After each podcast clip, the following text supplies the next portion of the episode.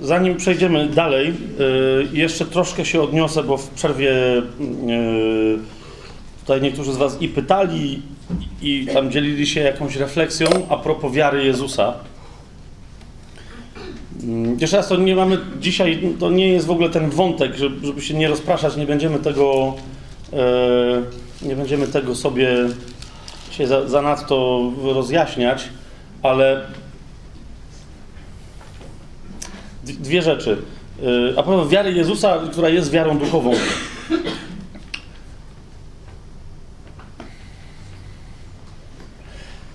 Co do, co do tego, że, że my potrzebujemy, żeby Jego wiara w nas pracowała. Dla niektórych to jest szokujące, że, e, że Jezus miał wiarę. Bo, bo, bo trochę my mamy problem, wiecie, my mamy problem z zrozumieniem wiary jako takiej. Mhm. I, I, myślę, że, że to jest z, jeden z ważnych wątków w chrześcijaństwie dzisiaj, żebyśmy my sobie uświadomili, czym wiara jest. List do Hebrajczyków, 11 rozdział chociażby, żebyśmy, e, żebyśmy, żebyśmy to pojęli, czym wiara jest. Bo mamy często kompletnie fałszywe wyobrażenia na temat wiary. Wiele osób wręcz ma, mm, ma zrozumienie, że są dwa takie, takie, takie bloki rozumienia wiary w kompletnie bałwochwalczy sposób. Niechcący, ja to rozumiem, nie chcę nikogo, wiecie, jakby dotknąć znowu tym komentarzem, tylko przebudzić do, do, do, do, do, do wejścia we właściwą wiarę. Żeby w ogóle zacząć, żeby ona mogła powodować w nas wzrost łaski i pokoju. Jedno takie rozumienie to jest przyjęcie, że wiara e, jest uwierzeniem komuś, kto odpowiednio mocno na nas wpłynął, żeby w coś uwierzyć. Tak? Czyli, czyli ktoś na nas wpłynął i powiedział, tak jest, i my teraz nie mamy na to żadnych dowodów, no bo to jest wiara. Więc my w to coś wierzymy. No bo przecież na tym polega wiara, żeby w coś uwierzyć. Jak, jak, jakby, jakbym miał do czegoś dostęp, to bym wiedział, a nie wierzył. Wiecie, to jest jedna z koncepcji, w, na, na bazie której powstał fałszywy pogląd, że istnieje jakieś starcie między nauką opartą na rozumowaniu, a wiarą, która jest oparta na nierozumowaniu, tylko na przyjmowaniu bez żadnych dowodów, jak, że, że coś istnieje. I wielu chrześcijan kiwa głową, się zgadza, mówią, no tak, no, no tak rzeczywiście jest. A to nie jest prawda. Po pierwsze, w tak zwanym racjonalnym podejściu do rzeczywistości, światopoglądzie, podstawową wartością, jaka, jaka działa w tym światopoglądzie, jest właśnie wiara, tylko racjonalna. Tak? To, to, to, musimy, to musimy dobrze zrozumieć. Często rozmawiam, bywam nawet na ulicach, tak, w ramach jakiejś ewangelizacji czy czegoś. Pamiętam taką jedną rozmowę właśnie w, w Poznaniu na, na ulicy z kimś, kto tam przyszedł i twierdził, że on jest ateistą i że tam ma do, dobrą nowinę ateistyczną jakąś tam do przekazania. I porozmawialiśmy. On mówi, że on się nie opiera absolutnie. Wiara dla niego to jest. On ma podejście naukowe, czyli racjonalne do rzeczywistości. Mówię, bo okej, okay. czyli na czym ono polega? On mówi, ono polega tylko i wyłącznie na doświadczeniu, że ja mam coś sprawdzone doświadczalnie. Niezwykle interesująca historia. Czyli nie wierzysz w Amerykę Południową. Bo wcześniej rozmawialiśmy o tym, że on tam nigdy nie był. Rozumiecie? No to czyli. No jakie masz doświadczenie? Bo ci ktoś film pokazał, czy, czy coś. No ale to jest wystarczające doświadczenie. Aha! A zatem nie musisz mieć osobistego, bezpośredniego doświadczenia. Ale wystarczy, że masz pewne tropy i dowody, które w momencie, kiedy się składają, zaczynasz wierzyć, że jakiś aspekt z rzeczywistości wygląda tak, a nie inaczej. Kto bezpośrednio dotknął atomu? Kto bezpośrednio dotknął oddziaływania między elektronami a jądrem atomu? Kto bezpoś ma bezpośrednie zmysłowe doświadczenie przeszywających go fal radiowych? Rozumiecie o co mi chodzi? Natomiast byłoby idiotyzmem przeczyć, że te rzeczywistości istnieją w momencie, kiedy mamy odpowiednią ilość dowodów. Tak? Teraz widzicie sęk w tym, że słowo pistis, wiara, tłumaczone jako wiara, i słusznie tłumaczone jako wiara w języku, e, z języka greckiego na, na polski i na wiele innych języków, oznacza nie to, co dzisiaj my chcielibyśmy rozumieć przez słowo wiara, ale to, co miał na myśli Duch Święty, kiedy pisał przez autorów ludzkich e, Nowy Testament, to, co on miał na myśli i co oni mieli na myśli, pisząc słowo pistis, czyli wiara. Otóż to była wiara, i zresztą zobaczycie w dowolnych słownikach i tak dalej, wielu zaznacza, że to jest wiara oparta na rozumie i posługująca się rozumem. To Rozumiecie, to jest wiara, która nie ma niczego wspólnego z naiwnością. Ani, która nie ma, nie, ma niewiele wspólnego z bazowaniem na czyimś autorytecie. Po prostu, to jest niezwykle istotne. Nasza wiara ma, ma bazować na, po pierwsze, jakiegoś rodzaju doświadczeniu. Często jest to doświadczenie pozazmysłowe, ale to jest doświadczenie. Okay? I ma być weryfikowalna. Po prostu ma być weryfikowalna. Jeżeli. Pamiętam, że w tamtej rozmowie ten człowiek zapytał, mówi, że no jeżeli ma być weryfikowalna, to, to w jego życiu powinna być weryfikowalna. Tak? Mówi, no to jakie są dowody? E, ja poprosiłem Boga, żeby, za, żeby zrobił jakiś cud, żeby jakaś tam figurka zamachała ręką i nie zamachała. Mówię, no to jest super naukowe podejście. Na przykład widzisz, ja chciałem, y, żeby. Y, y, bo, bo, mi powiedzieli, że fale radiowe ponoć przenoszą jakieś, jakieś, jakieś dźwięki. Więc ja chciałem, żeby te dźwięki przeze mnie się zamanifestowały. Polizałem palec i, i nic. Ja mówię, no ale to bez sensu, to się tak nie robi. No, no właśnie. No rozumiesz? Ty mi mówisz, że nie tak się sprawdza, trzeba mieć radioodbiornik, trzeba mieć. No, wszystko się zgadza. Tak? Jeżeli chcesz zrobić inny eksperyment, to, no to też musisz, musisz zastosować odpowiednie, y, przygotować odpowiednie warunki, mieć odpowiednie narzędzia, żeby coś stwierdzić. No zgadza się? Jeżeli ktoś będzie chciał zważyć w sklepie tobie, czy kilo cukru, bo masz wątpliwość, czy to jest kilo, czy to jest kilo, to się zdziwisz, jak podejdzie do tego kilograma z centymetrem nie? I usypie, rozumiesz, 60 rządków i będzie mierzył i powie, nie, no to, to jest kilo, tak? I, ale jakie? Masz pan wagę, czy nie? No co to znaczy, że jest kilo? Z centymetra? To jest klasyczne ważenie na oko. No ale ja mam centymetr, no ale on jest mi od ważenia. Więc jeszcze raz, mówię mu przyjacielu, ustaliłeś głupi eksperyment, poleciałeś w kosmos, podrzuciłeś ciężarek i on zaczął latać i powiedziałeś, nie ma grawitacji. No to fajnie. Ale to nie są właściwe okoliczności. Nie miałeś czego badać tam. Więc jeszcze raz mówię, zróbmy taką sprawę, pomódlmy się. To było interesujące. Pomódlmy się, to jest eksperyment. Ale ja nie wierzę w Boga. No to, to ale to nie ma nic do rzeczy. No, kapujesz, on albo jest, albo go nie ma w Twoim rozumieniu. Tak jak chcesz sprawdzić, to po prostu czysto hipotetycznie załóż, że jest, zwróć się do niego, ale do niego, ty, do niego ja ci pomogę w tym i zobaczymy, czy odpowie w Twoim życiu. Wiesz, jaka była jego odpowiedź? Nie. Co to, to nie. No więc, no więc, no więc trochę się z niego wtedy zacząłem nabijać. Uuu, mamy ateistę, który się boi gościa, w którego nie wierzy. Może by się, a jakby się okazało, no właśnie, no właśnie, wiecie, bardzo często ludzie mówią pewne rzeczy, jeśli pamiętam, jeden taki apologeta ze, Stanów Zjednoczonych powiedział, że, że większość osób, które deklarują ateizm, deklaru, deklarują go nie dlatego, że mają wystarczającą ilość dowodów, które ich przekonały, że nie ma Boga, ale wolą wybrać tę postawę i szybko zgodzić się na taki manewr intelektualny, bo wiedzą, że gdyby się okazało, że jednak Bóg jest, to ta prawda wymagałaby od nich konkretnych zmian. Po prostu. I wtedy lepiej powiedzieć, wiesz co, no i wtedy jak przyciśniesz takiego ateistę, to on nagle mówi, to ja jestem agnostykiem. Znaczy, nie da się stwierdzić, okej, okay, ale to też musisz udowodnić, no rozumiesz? Bo to jest bardzo łatwo przyjąć, no niestety nie da się stwierdzić. No jak się da stwierdzić, skoro się nie da stwierdzić? Ale dlaczego się nie da stwierdzić? No bo wiesz, jeżeli Bóg jest, to jest niewidzialny, to... I rozumiesz, i podaje mi, ale skąd wiesz? A może ci się pojawi? No skąd wiesz? Jeżeli jest wszechmocny to, i, i tam jest cała jakaś historia, no, no to ja to wszystko rozumiem. No ale te wszystkie rzeczy, o których ty mówisz, można je stwierdzić jakoś. Ale nawet jeżeli ty nie wiesz, jak można je stwierdzić, to może Bóg wie i ci pokaże, jak to się stwierdza. Co ty na to? I wtedy znowu jest za... Dobra. Więc jeszcze raz. Nasza wiara również, to jest dobre pytanie do każdego wierzącego. Jak wygląda twoja wiara?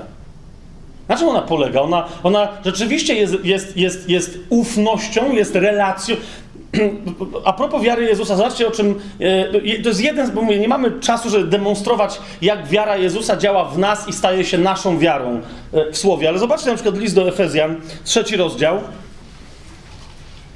E, w trzecim rozdziale Paweł mówi bardzo interesującą rzecz na temat Pana Jezusa, na temat Mesjasza.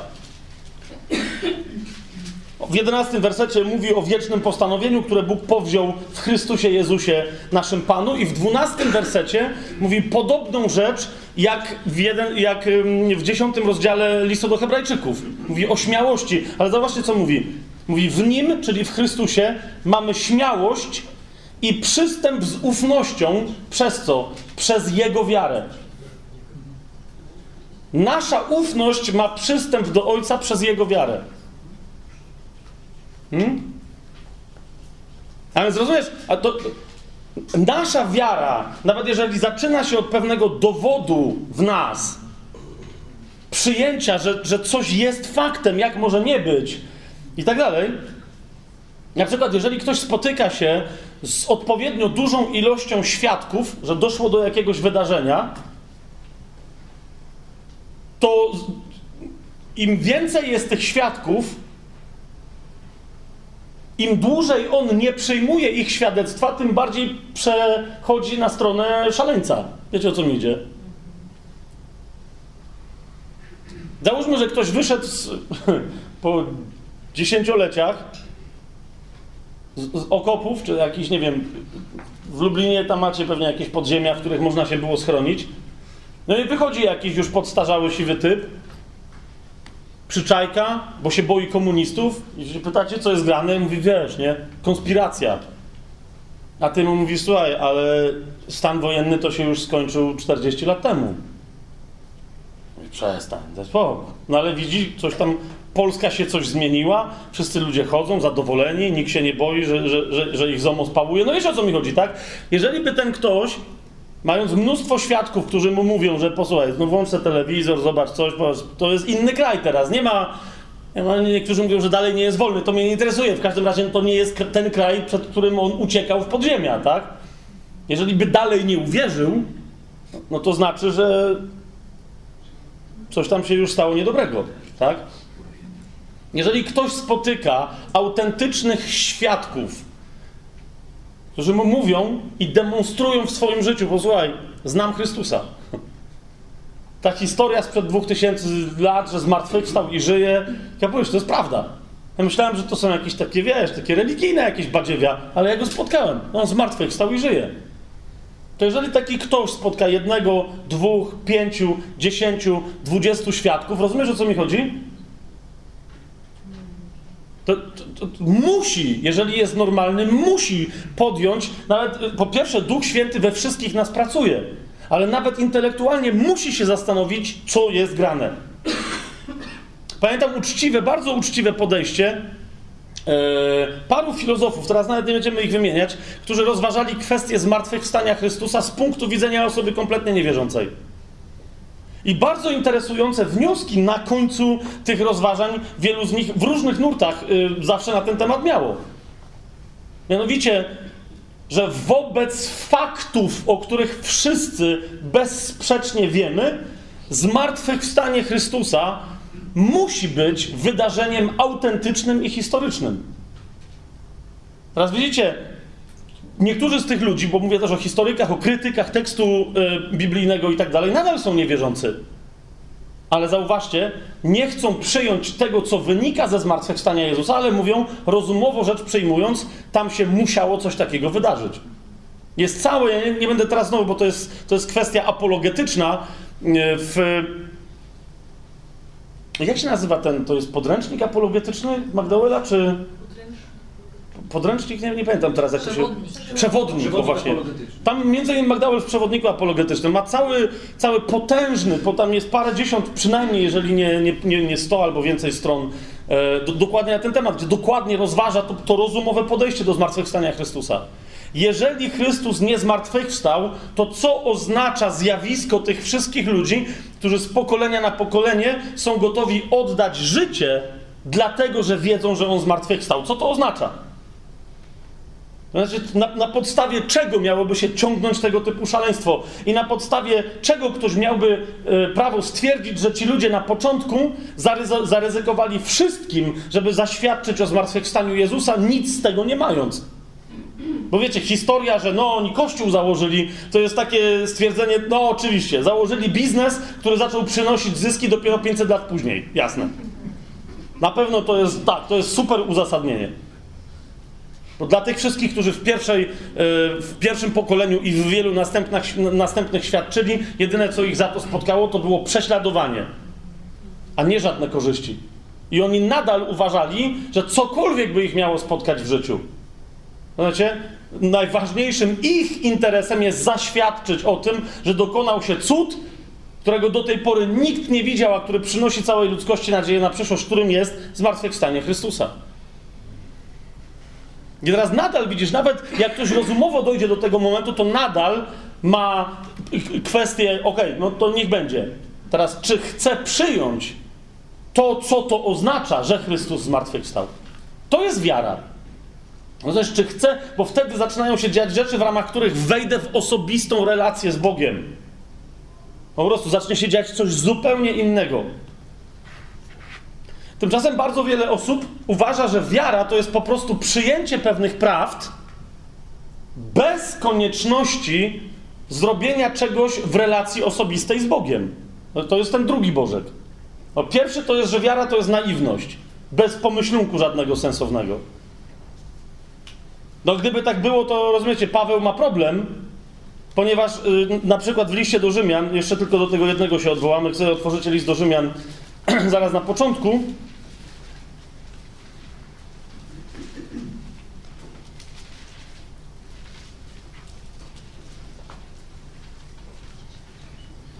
To jest pierwszy rozdział listu do Rzymian.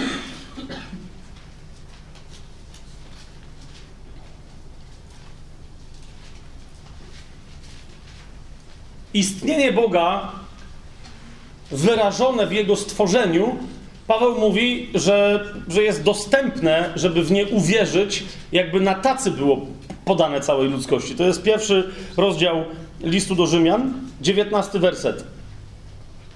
Paweł mówi, ponieważ to, co można wiedzieć o Bogu, jest dla nich jawne, gdyż Bóg im to podał na tacy. To jest powiedziane, że Bóg im to objawił. To bowiem, co niewidzialne, to znaczy Jego wieczna moc i bóstwo, są widzialne od stworzenia świata przez to, co stworzone, po to, aby oni byli bez wymówki. Jeżeli wylądujesz na Marsie, na którym ponoć stopa ludzka nigdy nie postała. No, mówię ponoć, nie, nie żebym jakieś teorie spiskowe teraz promował, tylko no nie wiem, tak? Ponoć nie postała. Ale lądujesz na Marsie, a tam widzisz, że ktoś zostawił taki kubek.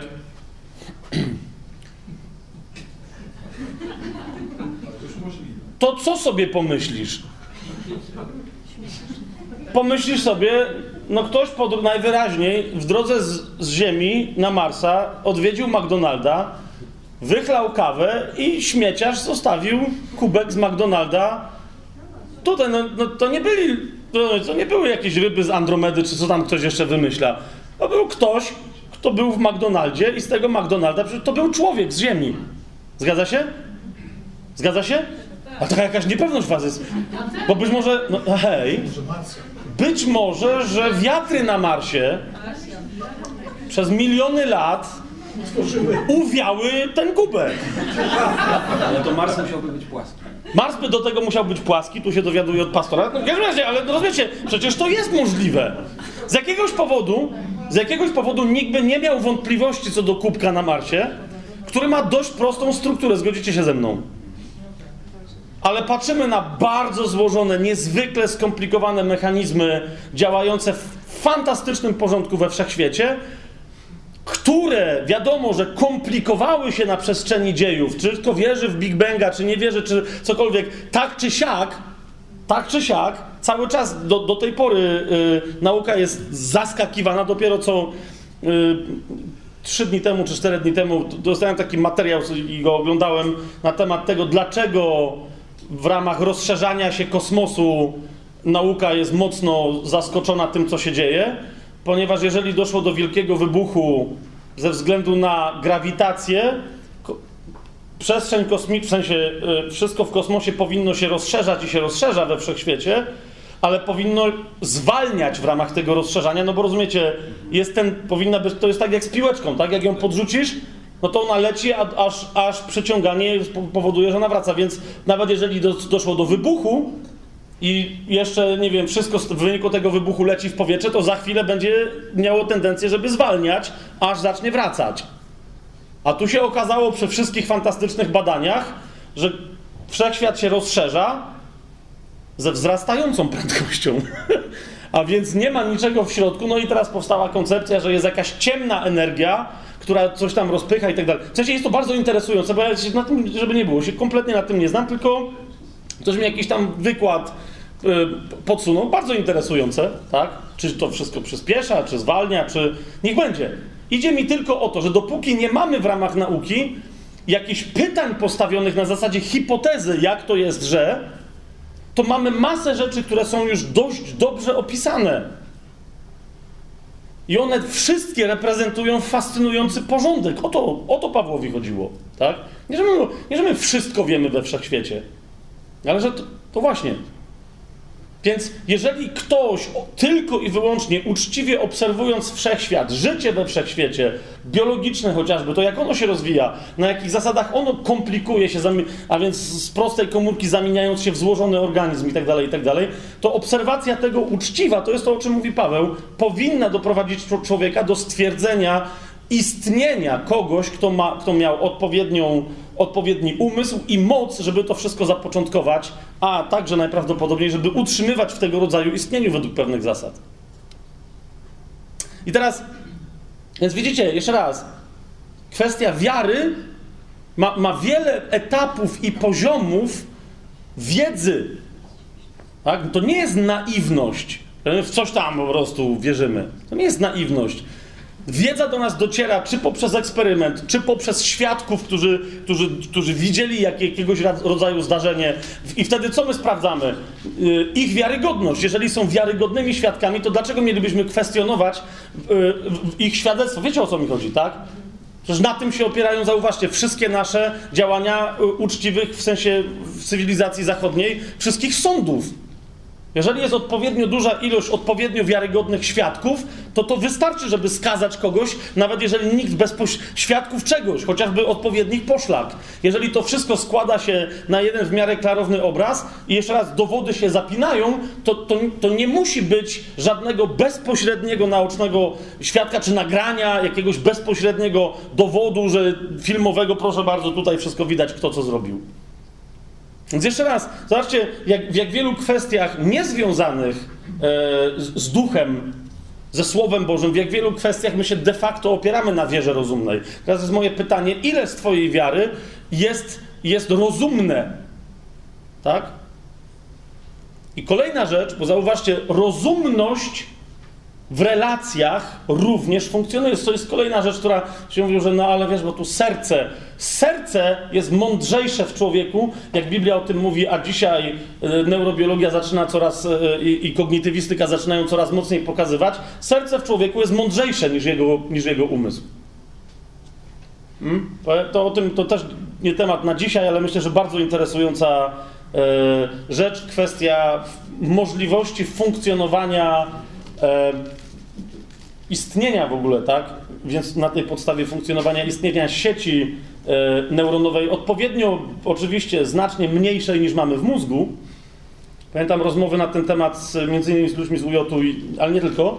E, ostatnio na, na, ten temat, czy człowiek może myśleć sercem i okazuje się, że ma że ma tam, rozumiecie, całą poważną konstrukcję, która jest dokładnie taka sama jak mózg, tylko ma znacznie mniejszą ilość y, synaps i, i, i sieci neuronowej. I ona jest znacznie mniejsza. Więc mówię, no to, to, to jest, nie jest podstawa do tego, żeby stwierdzić, że, że tam ktoś tam może myśleć. I zaskoczył mnie człowiek, który nie jest wierzący, ale powiedział mi taką rzecz, mówi, wiesz co, ale jest jedna różnica na korzyść serca wtedy. Bo serce nie ma żadnego związku z ciałem migdałowatym, w związku z tym serce, kiedy decyduje, to się nie boi. I mówi, skąd wiesz, czy, czy ogromne połacie mózgu nie służą temu, żebyśmy my w ramach podejmowania racjonalnych decyzji przede wszystkim nie walczyli ze swoim lękiem, który mamy we łbie. A w sercu go nie ma. No, Biblia cały czas pokazuje serce jako właściwie myślący organ człowieka.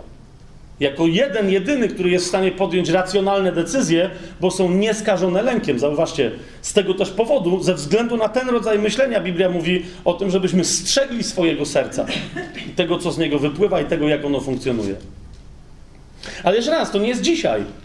To nie jest dzisiaj. Niemniej, e, kiedy patrzysz na przykład na swoją relację z żoną, z mężem, ze swoimi dziećmi, ze swoimi rodzicami, z przyjaciółmi, spójrzcie na. To, to są kolejne kwestie. Na ile czysto intuicyjne, e, emocjonalne jest wszystko to, co się składa na Twoją relację, a ile w tym jest Twoich jak najbardziej racjonalnych rozważań. Wiesz o co mi chodzi? Ile jest Twojego zastanawiania się, czemu ten powiedział to, a ja mogłam to zrobić inaczej, i tak dalej, i tak dalej. Jeżeli my, nasza wiara ma być racjonalna i relacyjna, bo, bo, bo taka, a nie inna, z Bogiem, to ona się powinna składać z tych wszystkich elementów, plus jeszcze to wszystko, co Bóg w czystości swojego ducha do tej relacji dokłada. Niepoważna historia, kiedy ktoś jest w stanie w ciągu dwóch zdań przekonać chrześcijanina, że jego wiara to jest tylko naiwność intelektualna. Bez sens. Bez sens. Dlatego, że potem ty jego w dwóch zdaniach nie przekonasz, że jego miłość do jego córeczki też nie istnieje. Jest tylko wynikiem e, z, po prostu zderzania się atomów i związków chemicznych w jego głowie, a on jest zaprogramowanym zwierzęciem, które ma tylko przedłużyć gatunek. To wiecie o co mi chodzi? I ktoś by musiał być naprawdę niezwykle nieuczciwy, albo też religijnie ideologiczny, żeby powiedzieć, że nie jest niczym więcej tylko starciem przypadkowych sił biologicznych, chemicznych, fizycznych, w wyniku których wydaje mu się, że kocha swoje dziecko. Albo żonę, albo jeszcze tam kogoś. Naprawdę to, to, to musi być po prostu. Ktoś musi się bardzo uprzeć w ramach jakiejś tam materialistycznej ideologii. Hmm? Ale wciąż, ale wciąż pozostaje jedno z moich ulubionych pytań. Czemu tak wiele osób niekoniecznie nawet bardzo rozwiniętych intelektualnie, a z drugiej strony wybitnych intelektualnie. Czemu tak wiele osób, kiedy doświadczają w swoim życiu braku miłości, wiedzą, że doświadczają braku? Na jakiej podstawie? Kiedyś pamiętam, miałem rozmowę, to była świetna rozmowa, bo swoją drogą ktoś mi podsunął tę myśl wiele, wiele lat temu.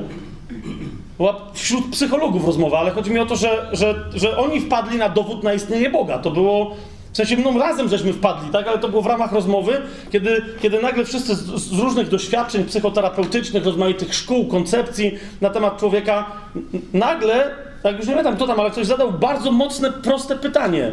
Jakim cudem my wiemy, że miłość, której doświadczamy w życiu, nie jest niewystarczająca? Do czego porównujemy?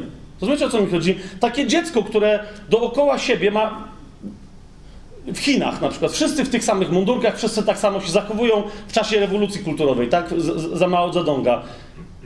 Jakim cudem te dzieci... Rozumiecie, kto powiedział temu dziecku, że ono ma prawo być bardziej kochane niż jest? Kto powiedział tej żonie, że ona ma, być bardziej, ma prawo bardziej być kochana niż jest przez swojego męża? Skąd w nas nieustannie bierze się niedobór miłości? I cały czas wiemy, że to nie jest to.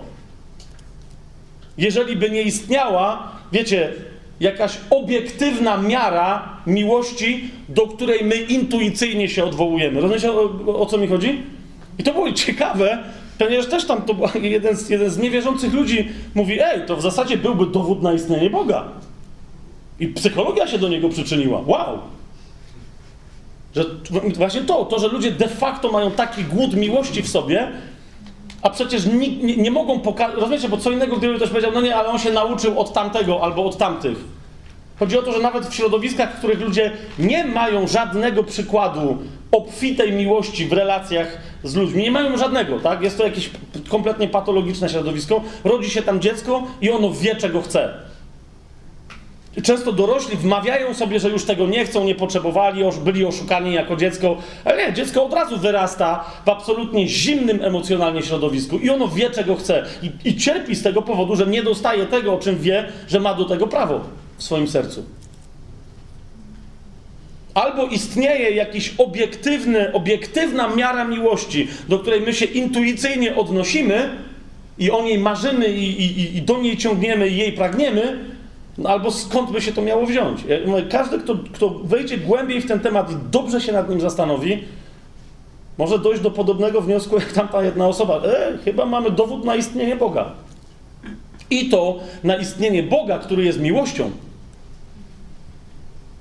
Swoją drogą to już zupełnie bardzo na marginesie, yy, bardzo interesujące intelektualne ćwiczenie. Wyobraźcie sobie Boga, który nie jest miłością. Nie teraz, tylko mówię, zróbcie sobie takie ćwiczenie. Ja, ja, pamiętam, że kiedyś studiując filozofię coś takiego zrobiłem, prawie oszalałem w ramach tych myśli, ale ostatecznie do dosyć klarownego wniosku doszedłem, że Bóg albo jest miłością, albo nie jest Bogiem. Ponieważ tylko miłość, zwróćcie uwagę, reprezentuje wartości pozytywnie nieskończone. Jeżeli coś albo ktoś nie jest miłością, nie można go zdefiniować jako miłości, wówczas to coś jest demiurgiem, co najlepiej, czyli podszywającym się pod Boga szatanem, po prostu. Albo Bóg jest miłością i to miłością czystą, albo to, co nazywasz Bogiem, nie jest Bogiem, po prostu. Tylko się podszywa pod Boga. Aż się zapędzili zaraz dobrze. Czyli to jest jedna rzecz. Nasza wiara powinna być racjonalna nasze doświadczenie wynikające z wiary powinno być nadal przy pomocy tej wiary i rozsądku naszego nieustannie weryfikowane. Nie dał nam bowiem Bóg ducha bojaźni, ale czego? Mocy, miłości i trzeźwego myślenia, zdrowego rozsądku, rozsądnego umysłu.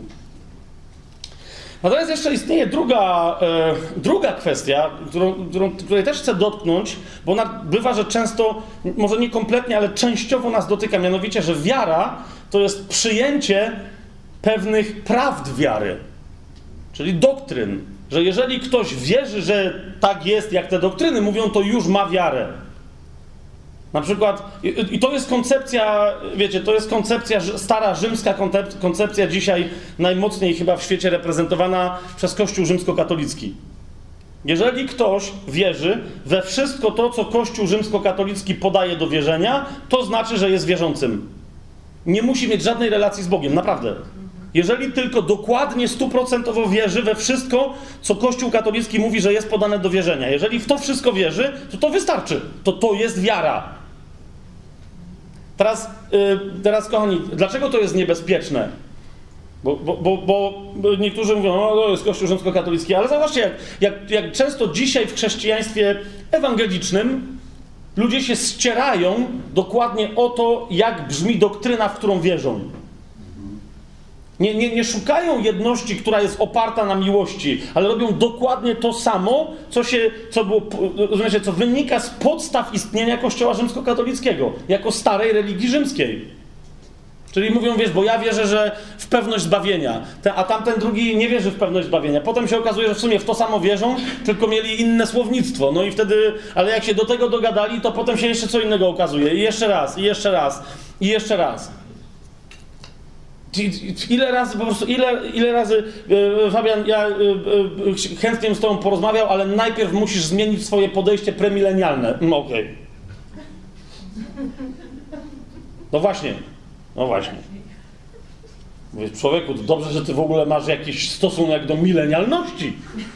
To już jest dobrze, bo niektórzy w ogóle nie wiedzą, o co chodzi z milenialnością.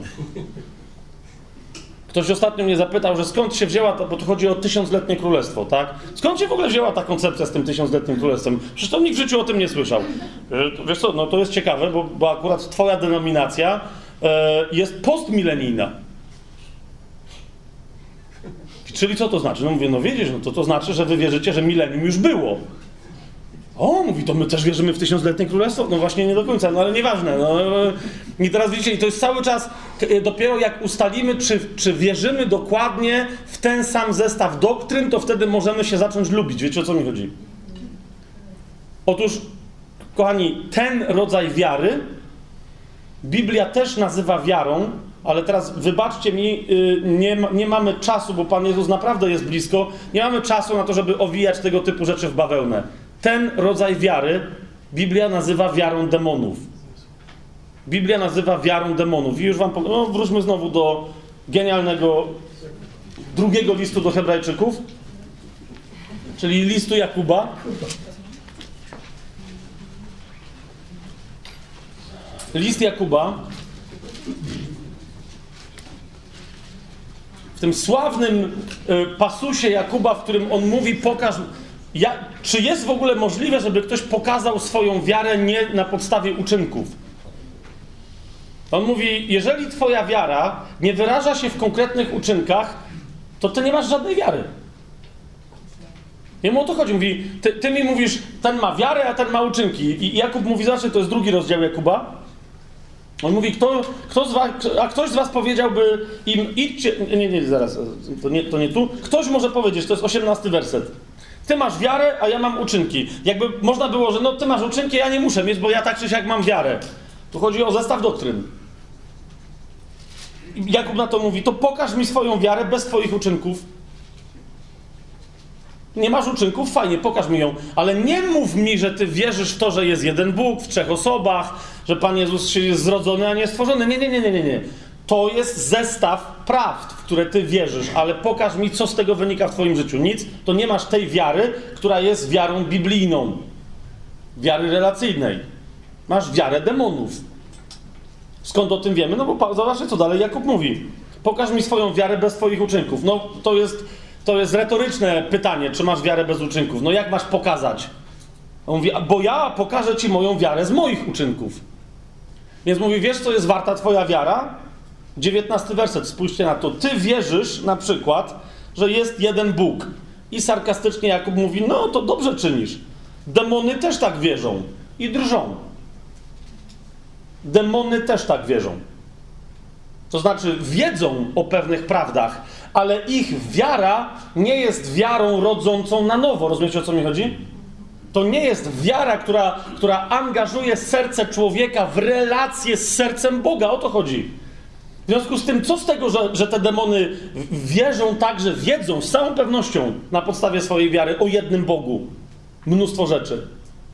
Ja myślę, że kapujecie, gdyby, nie, niech to by zabrzmi najbardziej szokująco, myślę, że y, gdyby dzisiaj wziąć credo y, konstantynopolitańskie, jak to było? Nicejsko-konstantynopolitańskie, okej. Kto z was był w kościele rzymskokatolickim, to wie o co chodzi. To, y, ten, to jest chyba to, które się w niedzielę mówi.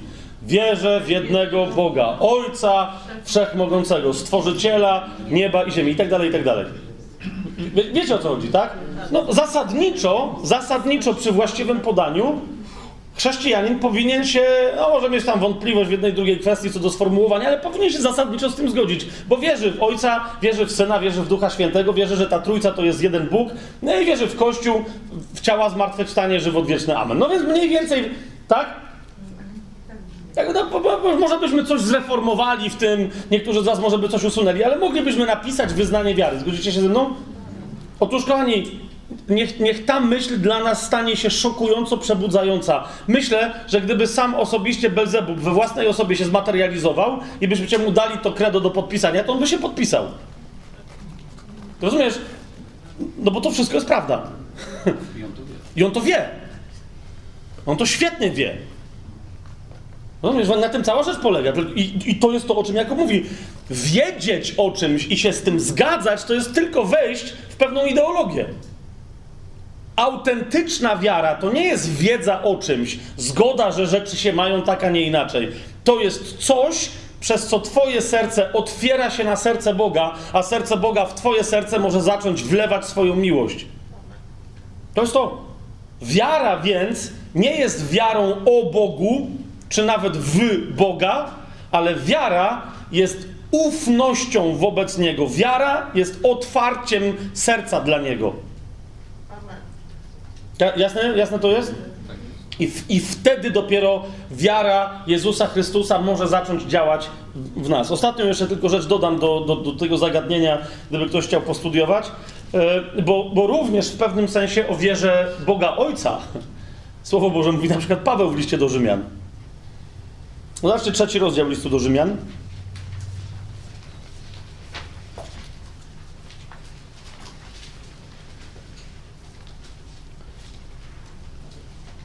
Trzeci rozdział, pierwsze trzy wersety. Tam, gdzie Paweł rozpoczyna e, myśl, na czym więc polega wyższość Żyda, albo jaki jest pożytek z obrzezania. No i on mówi wielki pod każdym względem. Przede wszystkim ten, że im zostały powierzone słowa Boże. I w ramach e, komentarza do tego, co to znaczy, że im zostały powierzone słowa Boże, zobaczcie, jak, jakim tekstem bezpośrednim, bez ogródek Paweł się posługuje. Cóż bowiem, jeśli niektórzy nie uwierzyli z tych, którzy, którym zostały powierzone słowa Boże? On mówi, czyż ich niewiara miałaby zniweczyć wiarę Boga? W nich? Oczywiście w hebrajskim rozumieniu wiara rodzi wierność, więc tak, za każdym razem, kiedy Biblia mówi pistis, wiara rozumowa oznacza też to pistis, tak, ten aspekt, który mocniej Stary Testament podkreśla, którym jest wierność. Kto wierzy, ten jest wierny temu, komu wierzy. Mm? I temu, w co wierzy, także przez tego, któremu wierzy. Więc y, jeszcze raz, kochani, sama sprawa wiary według, y, według mnie powinna być przez nas bardzo, bardzo mocno e, rozważona. Tak? Co to jest? Czym jest Twoja wiara? Jeszcze raz mówię, 11, y, 11 rozdział listu do Hebrajczyków, który się zaczyna o, od y, definiowania wiary, ale to jest tylko początek definicji. Mm. List do Hebrajczyków, 11 rozdział. A wiara jest podstawą tego, czego się spodziewamy i dowodem tego, czego nie widzimy. Tutaj ta podstawa e, w zasadzie e, równie dobrze, mm, jeszcze musiałem to sprawdzić, ale z tego co pamiętam, to jest słowo hipostasis e, i to oznacza, że wiara jest istotą tego, czego się spodziewamy. Dowodem tego, czego nie widzimy. Potem, i teraz niektórzy y, opierają się tylko na tym wersecie, również na szóstym wersecie z 11 rozdziału. Bez wiary nie można podobać się Bogu, bo ten, kto przychodzi do Boga, musi wierzyć, że On jest i że nagradza tych, którzy Go szukają. Tymczasem chcę tylko zwrócić uwagę, że, że nie te dwa wersety, ale cały 11 rozdział mówią o wierze. Czym ona się przejawia. W związku z tym jeszcze przy okazji wiary i jej aspektu tego, którym jest wierność, pojawia się jeszcze jeden, mianowicie posłuszeństwo. Zwróćcie uwagę, Paweł w liście do Rzymian mówi, wiara rodzi się ze słuchania, a tym, czego się słucha, jest poprzez Słowo Boże. Wiem, że to brzmi dziwacznie po polsku, po grecku to też brzmi dziwacznie, ale jest istotnie wyrażoną prawdą. Wiara rodzi się ze słuchania, a tym, czego się słucha, jest to, tak bym to rozłożył na części pierwsze, jest to, co przychodzi poprzez słuchanie Słowa Bożego. Nie jest, bo, bo nadal samo słuchanie Słowa Bożego może kogoś doprowadzić tylko i wyłącznie do intelektualnej zgody z wszystkim, co jest napisane w piśmie. A nadal może nie przyprowadzić do niego tego, co przychodzi poprzez Słowo, a co może przynieść tylko i wyłącznie Duch Święty. Tylko to Słowo które przychodzi przez jasno, klarownie, czarno na białym wyrażone Słowo Boże. Żywe Słowo przechodzące poprzez zapisane Słowo Boże, które jest żywe przez to, że przechodzi przez nie żywe Słowo. Tylko takie Słowo może dotknąć serca człowieka. I wtedy ktoś, kto słucha tego Słowa, Bi- Biblia powiada, że rodzi się w nim wiara. Dlaczego? Ponieważ zaczyna być posłuszny temu Słowu. Nie tylko słyszy to słowo, ale daje mu posłuch, a więc robi to, co to słowo mu mówi, że ma zrobić. Jest to, jest to jasne? Co się dzieje? My naprawdę pod wieloma względami w języku polskim genialnie zbliżyliśmy się do języka hebrajskiego. Nie wiem dlaczego tak jest, ale i nie chodzi mi teraz, że wiecie, my jesteśmy narodem wybranym, czy nic, nic takiego, ale wszyscy kiwają, że nie. ale, ale y, w, paru miejscach y, czy czytałem, czy, czy słyszałem wprost y, Żydów mówiących, że, że rzeczywiście jest tak, że oni w różnych miejscach na świecie będąc, nigdzie nie znajdywali w niuansach językowych tyle zrozumienia, na przykład humoru swojego hebrajskiego, jak w Polsce e, poprzez język polski. Że, że to jest jeden z języków, na którym najłatwiej jest na przykład przełożyć humor żydowski. Nie? I inne niuanse języka, języka hebrajskiego. Nie to nie znaczy, że to jakoś genialnie, ale że język polski jest, jest w stanie w wiele mechanizmów języka hebrajskiego wejść tak o, po prostu w pewne wieloznaczności, no i tak dalej. Więc to jest jeden z przykładów. E, słowo słuchać w powiązaniu ze słowem posłuszeństwo. Okay? Czy słowo wiara w powiązaniu ze słowem, e, ze, ze słowem wierność. Tylko jeszcze jedna rzecz, mianowicie czwarty rozdział listu do Hebrajczyków. A propos tego, co przed chwilą powiedziałem. Słowo Boże, któremu my nie pozwalamy działać, które czytamy, rozważamy, ale po to, żeby sobie z niego zrobić religię, a nie żeby poprzez nie przemówił do mnie osobiście Boży głos w moim tu i teraz, w moim dzisiaj. List do Hebrajczyków w trzecim rozdziale i czwartym zaznacza, że każdy ma swoje dzisiaj w planie Bożym i w jego dzisiaj ma do niego dotrzeć słowo do niego kierowane poprzez uniwersalnie, obiektywnie zapisane Słowo Boże w Biblii. I teraz na ten temat w czwartym rozdziale listu do Hebrajczyków Paweł pisze tak, to jest dwunasty werset i dalej. Słowo Boże bowiem jest żywe i skuteczne, ostrzejsze niż jakikolwiek obosieczny miecz, przenikające aż do rozdzielenia duszy i ducha. Zresztą to jest miecz potężny, ale jednocześnie precyzja, nawet nie skalpela chirurgicznego, jakiegoś nanolasera, czy nie wiem, co tam jeszcze wymyślicie. Gamma knife. Czego? Gamma. Gamma knife się właśnie dowiedziałem, że jest to. Gamma knife. Ok, czyli nóż gamma po polsku. To nadal jest trochę nie po polsku. Nieważne. Ostrze... Ostrzejsze niż wszelki miecz obosieczny, przenikające aż do rozdzielenia duszy i ducha, stawów i szpiku kości. Zdolne rozsądzić myśli i zamiary serca. Właśnie to jest to. My czasem sami nie wiemy, co się dzieje w naszych sercach. Zachcianki nazywamy pragnieniami. Zamiary mówimy, że są tylko marzeniami, a de facto już mamy konkretne plany, niekoniecznie na to, żeby zrobić dobrą rzecz. Słowo Boże jest w stanie przeniknąć nasze serce i naszym umysłom ujawnić, co się w tych naszych sercach naprawdę dzieje. Żadne stworzenie, 13 werset, nie ukryje się przed nim, przeciwnie, wszystko jest obnażone i odkryte przed oczami tego, któremu musimy zdać sprawę. To jest to. To, to jest autentyczne Słowo Boże. To jest powód, dla którego w niektórych etapach swojego życia chrześcijańskiego możesz mieć wstręt nawet do czytania Biblii. Się że jak to wstręt, chrześcijanie zawsze kochają pismo. Nie, w momencie, kiedy słowo przechodzące do nich osobiście, poprzez czytanie tego słowa obiektywnie zapisanego na kartach Ewangelii czy, czy innych pism, jeżeli ktoś się boi, że to słowo przyjdzie do niego i osądzi jego serce i objawi mu zamiary i myśli jego serca, to bojąc się tego, będzie sobie wmawiać, że on już wszystko przeczytał w Biblii. I nie będzie się mógł do Słowa Bożego zebrać. Ponieważ, ponieważ jego duch wie, że Słowo Boże jest żywe i jest skuteczne. I jeszcze jedna rzecz, skoro musimy doprecyzować ten to nie jest, jeszcze raz, to my tylko troszeczkę sobie coś tam doprecyzowujemy. Jeżeli musimy sobie doprecyzować temat, yy, temat wiary, to jeszcze jeden, jedna sprawa, jak, jak ona się wiąże z miłością. Wróćmy do tego listu do, do Galacjan, yy, bo też o tym tutaj z jedną osobą żeśmy w przerwie rozmawiali i, i to też niech będzie jasne. Jak, yy, padło pytanie, jak jak wiara może być aspektem miłości? Jak to? Przecież to są dwie różne rzeczy. Paweł w liście do Galacjan y, w piątym rozdziale, w 22 wersecie, tam gdzie mówi owocem zaś ducha jest miłość, to jest radość, pokój, cierpliwość, życzliwość, dobroć, wiara, łagodność, powściągliwość. Przeciwko takim nie ma prawa. Mówi, wkłada tam między innymi wiarę, ale to nie jest pierwszy moment w tym liście, kiedy Paweł łączy wiarę z miłością. On mówi, ta wiara, którą my się mamy posługiwać, przejdźmy sobie do piątego rozdziału, szóstego wersetu.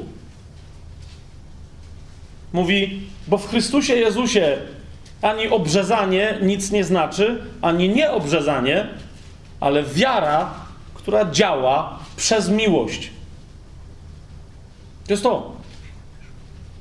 O, on o tym mówi. Wiara jest czymś, co sprowadziło, co, co, co sprowadziło miłość do Twojego serca, i jeżeli Twoja wiara jest autentycznie duchowa, ona teraz będzie Ciebie wypełniać miłością, ale też wyprowadzać miłość z swojego serca, żeby objawić tę miłość innym. I dlatego mówi: Po tym poznasz, po tym poznasz swoją wiarę, jeżeli ona będzie skutkować owocami miłości. Bo w Chrystusie Jezusie ani obrzezanie nic nie znaczy, ani nieobrzezanie, ale wiara, która działa poprzez miłość. Jeżeli wiesz, że, skąd możesz wiedzieć, że masz, że masz wiarę? Ponieważ możesz ją rozpoznać w swoim życiu poprzez miłość, do której stary człowiek normalnie nie byłby zdolny. I o tym dlatego później Jakub mówi: wiara bez uczynków nie jest żadną wiarą, jest martwa. Mogę ci pokazać moją wiarę tylko i wyłącznie z moich uczynków. Czemu? Bo Paweł, to, to, właśnie nie ma żadnej sprzeczności między Pawłem i Jakubem, tak? Paweł to samo mówi, bo, bo wiara działa poprzez miłość, nie inaczej. Jakub o tym mówi, później Jan mówi dokładnie o tym samym. Otwórzmy sobie pierwszy list Jana.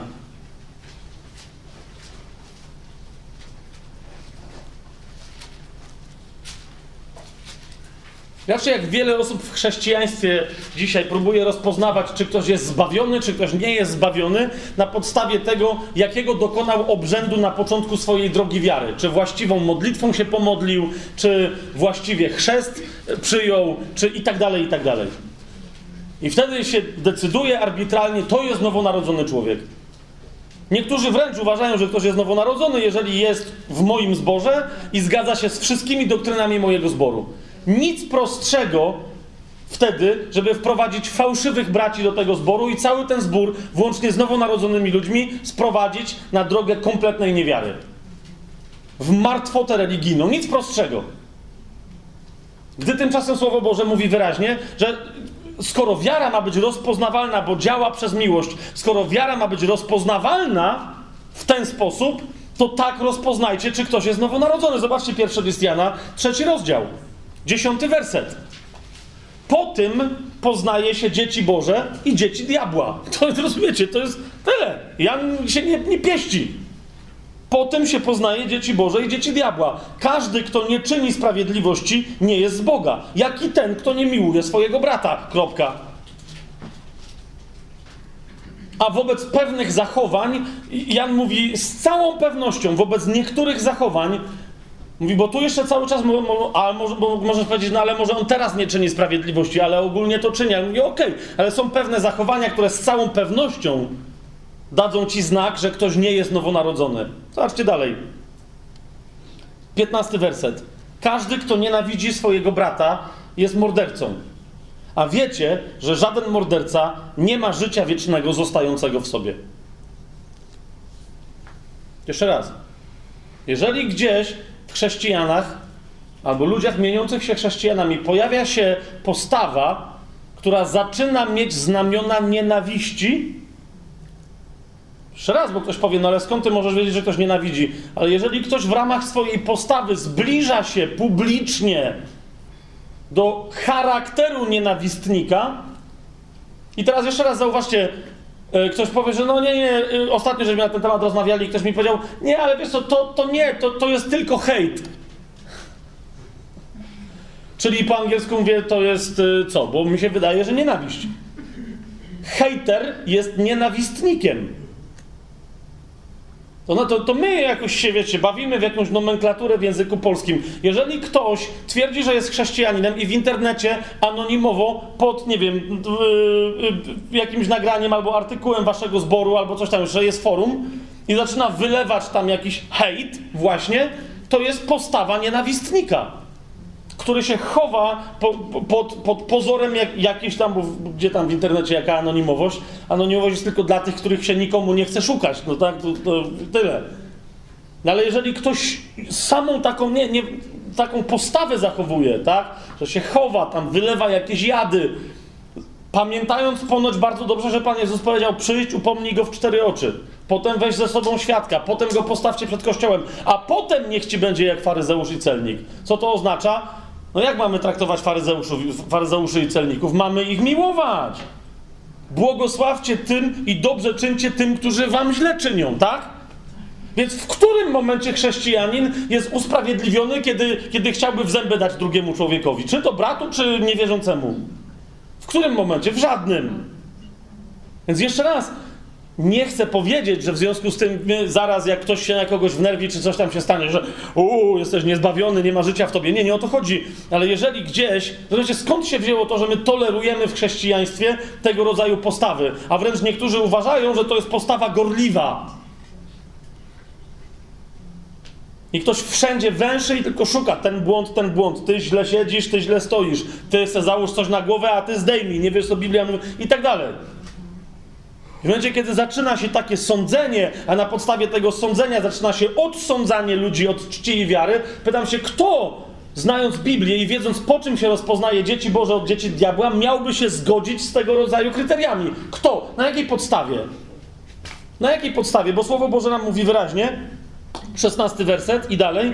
Po tym my poznaliśmy miłość Boga, że On oddał za nas swoje życie to co w związku z tym oznacza? To my również powinniśmy oddawać życie za braci. Widzicie to?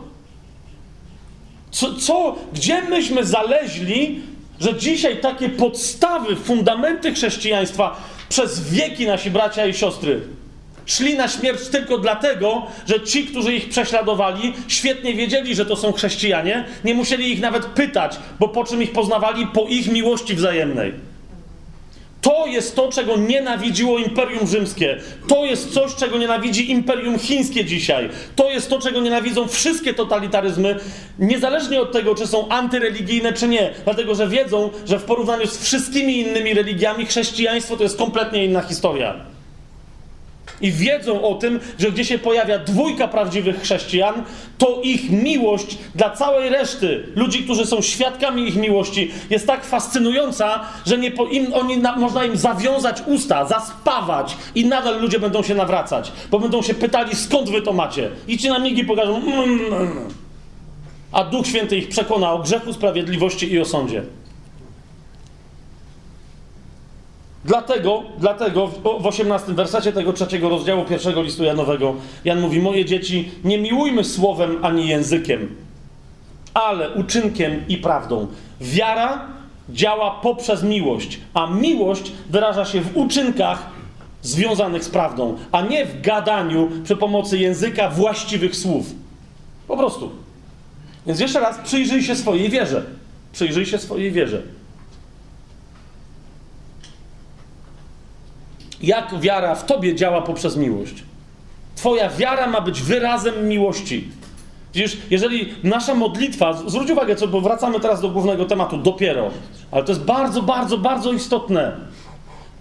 jeżeli nasza modlitwa ma być modlitwą zanoszoną z wiarą, hmm? Jeżeli Twoja wiara, bo przecież jesteś nowonarodzoną osobą, teraz mówię do tych, którzy wiedzą, mają pewność swojego zbawienia, wszystko gra. Okej, okay, jesteś nowonarodzoną osobą. Powiesz, to nie potrzebujesz specjalistycznej łaski, po prostu wejdź na drogę miłowania braci i sióstr. Wejdź tam. Wejdź. Najprostszy sposób, żeby zacząć budować swoją wiarę. Ludzie mówią, pomódl się za mnie, żebym miał więcej wiary. Wejrzę się. Ale naprawdę, wajrzę się. Chcesz mieć więcej wiary? Przejdź po, no, patrz, jest 50 osób, przejdź się po tej sali, zapytaj, czy ktoś by nie chciał się czegoś napić. To znaczy, zacznij od prostego gestu. Zacznij służyć. Bo Pan Jezus powiedział, bądźcie tacy jak ja, jak masz mieć w sobie Jego wiarę, to zacznij iść za mistrzem. Bo nie jest większy uczeń od swojego mistrza. W momencie, kiedy pozwolisz duchowi działać, porozumiesz, chrześcijanin ma to w swoim DNA, o to chodzi. On to ma w swoim DNA. Objaw, pokaż komuś miłość. Nie według swojej definicji. Spraw, żeby naprawdę, żeby Twoje ciało musiało usłużyć komuś. Zrób to. Ile jest dzisiaj dyskusji w chrześcijaństwie, wiesz, o, o, o żony, czy wobec nowej myśli feministycznej i nowych objawień na temat Słowa Bożego, czy aby żon... Już nie chodzi o to, czy mają mieć na, na, nakrycia na, na głowach w czasie, kiedy prorokują albo się modlą. Już nie chodzi o to, czy im się wolno odzywać na zgromadzeniach, ale czy aby na pewno powinny być poddane mężom. Zawsze uwielbiam, właśnie zapada wtedy taki inny rodzaj ciszy. Wtedy taki. E, co? Spójrzmy sobie list do Efezjan, coś wam chcę pokazać. Właśnie to jest, zawsze, to jest zawsze to, to jest zawsze to, tak? Faceci po cichutku za, e, e, ręce zacierają po swoim, okej, okay, dobra, dobra, właśnie jest, jest, jest. A tam nie muszą, kiedyś jeden gość do mnie podszedł, mówi, wiesz co, mówi Fabian, mi się to podoba, mówi, a, mówi, to już niech te kobiety, już nie, niech nie nakrywają głów, mówi, niech się odzywają, e, ale, mówi, ale, ale jeżeli, mówi, dzięki temu, mówi, moja baba mnie będzie lepiej słuchać, mówi, to mówi, to dobrze. To, mówi, z tamtych możemy zre... tam, ale niech ona zacznie wreszcie mnie słuchać. List do Efezjan, piąty rozdział. Po, po, co to mówię? Piąty rozdział. Dyskusja się zaczyna od 22 wersetu, gdzie jest napisane: Żony, bądźcie poddane swoim mężom jak Panu. Wszystko się zgadza, Słowo Boże jest święte. Żony, mówię wam, bądźcie poddane swoim mężom jak Panu. Jest ciekawe, że jak faceci niektórzy yy, nie wiedzą, jak sobie z żoną poradzisz, to oni wtedy zawsze pamiętają ten werset, ale nie do końca. Oni tylko pamiętają, żony bądźcie poddane swoim mężom. Nie jak Panu. Jak mnie. Stop. W zasadzie żony mnie nie interesują, to jest, to, jest, ta, ta, to jest egzegetyczne podejście, bo tak naprawdę ten cytat powinien brzmieć według niektórych: Żono, bądź mi poddana. Co ci powiem, to masz zrobić. A ona ma pod, być poddana jak Panu. Więc, więc mężu, jak chcesz, żeby żona była ci poddana, to bądź jak Pan. I wtedy nawet nie będziesz musiał jej powiedzieć. Ona za każdym razem, rozumiesz, będzie wiedziała, że jak nie będzie ci poddana, bo ty będziesz reprezentować obecność Chrystusa wobec niej, za każdym razem, rozumiesz, jak ona cię nie posłucha, to będzie pokutować na kolanach przed tobą, bo w tobie Chrystusa będzie widzieć. Zasmuciłem niektórych mężczyzn, to, to, to co, co zrobić? Ale mi w ogóle o coś innego chodzi, kochani. Bo zauważcie, że przed, tą, przed tym zdaniem pada zdanie, które z jakiegoś powodu. Rozumiecie, to zdanie jest tak wytłuszczonym drukiem w niektórych umysłach rozpisane, że nie widzą poprzedniego zdania. W 21 wersecie. Hmm? Będąc poddani wszyscy sobie nawzajem w, miło, w bojaźni Boga.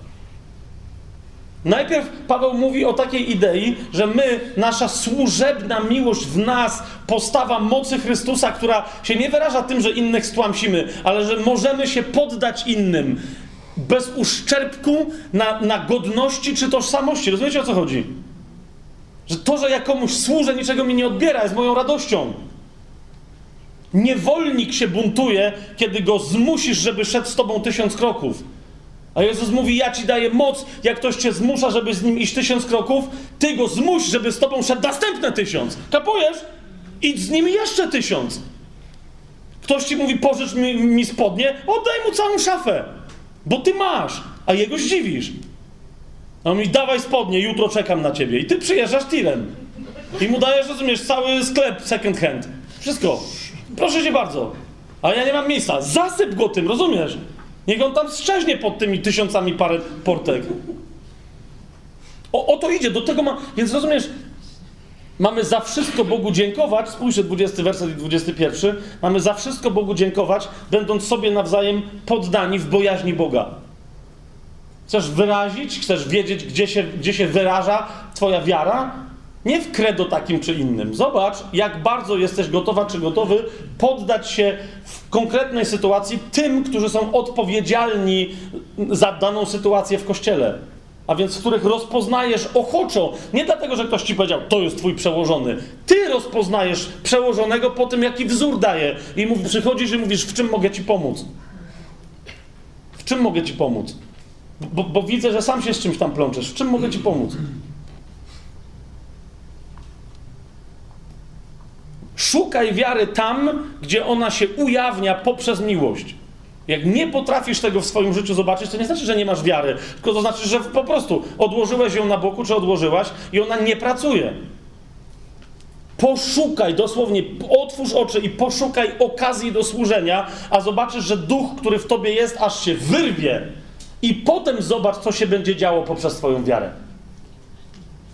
W momencie, kiedy się o coś modlisz, za kogoś, o uzdrowienie, o jakiś przełom w czyimś życiu, rozumiesz, jeżeli masz w sobie wiarę, która działa poprzez miłość,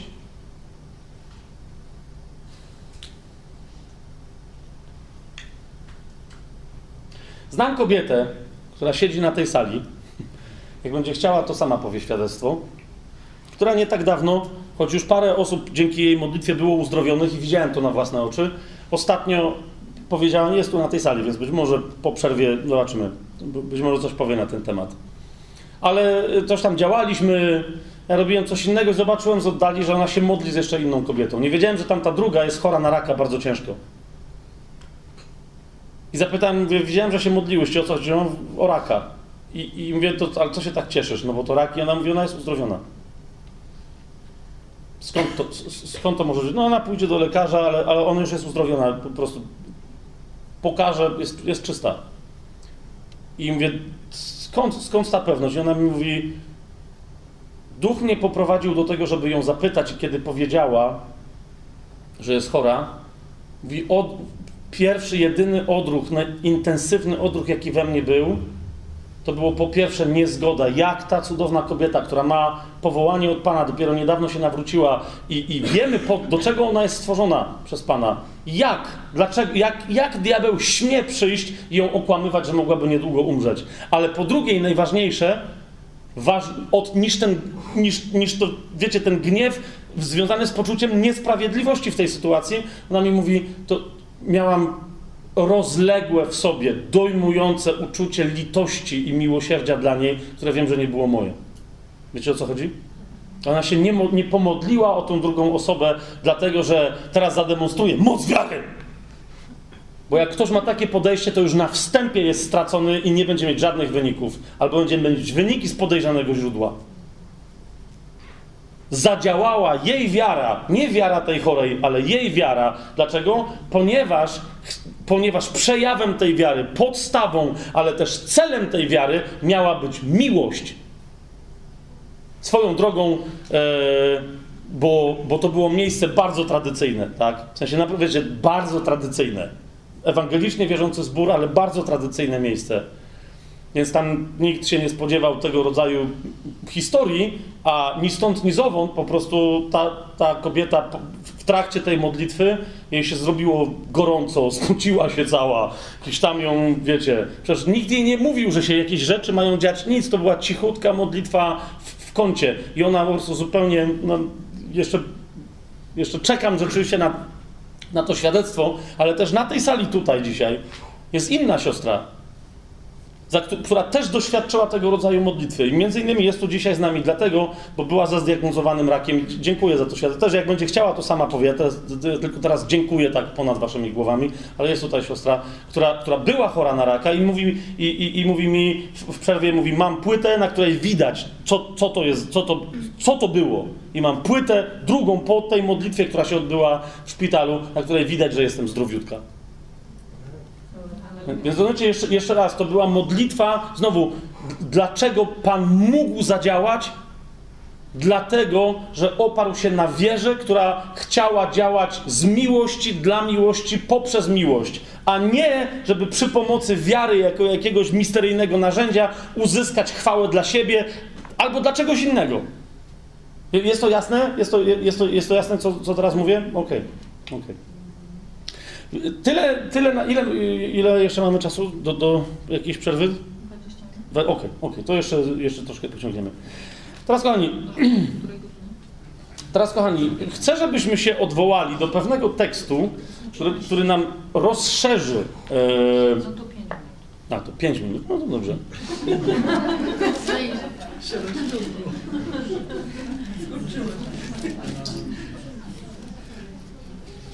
Bo już w, liście, w pierwszym liście do Koryntian zobaczyliśmy, że ta historia Izraela yy, z obietnicą wejścia do ziemi obiecanej jest niezwykle istotna. Tam w tej historii pojawiło się parę aspektów, które spowodowały, że Izrael nie mógł, czy duża część ludzi y, z, tego narodu nie, nie spodobała się Bogu, ich, ich postawa i spowodowała, że oni nie mogli wejść do, do ziemi obiecanej no, włącznie z Mojżeszem.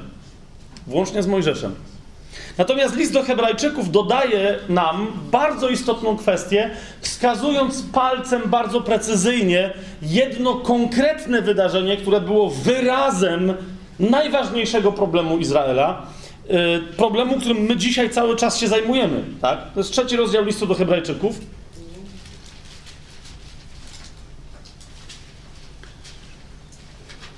Trzeci rozdział listu do Hebrajczyków, do postaci Mojżesza, wyjścia z Egiptu i wejścia do ziemi obiecanej, do której Mojżesz nie wszedł, no ale właśnie do, do, do, do, do, tego etapu dziejów ludzkości i Izraela odwołuje się Paweł, tak mówiąc, to jest trzeci rozdział listu do Hebrajczyków, piąty werset.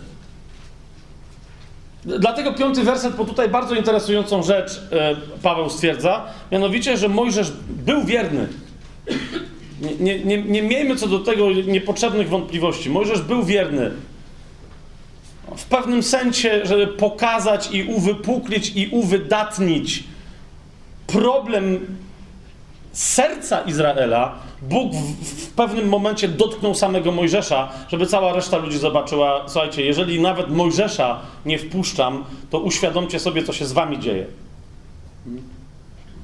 Mojżesz tam zrobił pewną rzecz, ale niektórzy słusznie zauważają tak trochę niewspółmierną do kary, jaką otrzymał. Ale jeszcze raz, Mojżesz za każdym razem mówił: Panie, zrób ze mną coś zamiast całego tego narodu. Stawiał siebie pomiędzy narodem a Bogiem, i dlatego w pewnym momencie Bóg, Bóg powiedział: Dobra, to, to w takim razie zrobię z ciebie znak. Nie wejdziesz do ziemi obiecanej. Ale, ale Słowo Boże stwierdza, że Mojżesz wprawdzie był wierny, ten trzeci rozdział listu do Hebrajczyków, piąty werset. Mojżesz wprawdzie był wierny w całym jego domu, jako sługa, na świadectwo tego, co potem miało być powiedziane. No mówi, ale Chrystus jako syn panuje nad swoim domem, w odróżnieniu od Mojżesza. Jego domem my jesteśmy, uważajcie, jeżeli tylko ufność i chwalebną nadzieję aż do końca niewzruszenie zachowamy. To jest ten istotny aspekt wiary, jakim jest osobiste zaufanie Ojcu przez Jezusa Chrystusa osobiste zaufanie Ojcu. Jeszcze dzisiaj będziemy więcej o tym mówić. Niemniej, niemniej, Paweł kontynuuje i mówi tak: Dlatego, jak mówi Duch Święty, dzisiaj, jeżeli usłyszycie Jego głos, nie zatwardzajcie waszych serc, jak podczas rozdrażnienia w dniu próby na pustyni, gdzie mnie wystawiali na próbę wasi ojcowie i doświadczali i oglądali moje dzieła przez 40 lat. Dlatego się rozgniewałem na to pokolenie i powiedziałem: Oni zawsze błądzą sercem i nie poznali moich dróg. To też przysiągłem w moim gniewie, że nie wejdą do mojego odpoczynku. Ten cytat jest potrzebny Pawłowi, żeby wskazać palcem, o którym moment w historii Izraela mu chodzi. I zaraz do niego się odwołamy. Dlaczego? Ponieważ Paweł mówi: uważajcie, a więc zwróćcie uwagę na tamten fragment i my to zrobimy. To jest list Pawła do Hebrajczyków, więc on nie opowiada im całej historii, bo on wie, że oni znają tamtą historię. My niekoniecznie. Tak? Więc my się do tej historii bliżej, yy, bliżej się tej historii przyjrzymy. Ale mówię, ale po co?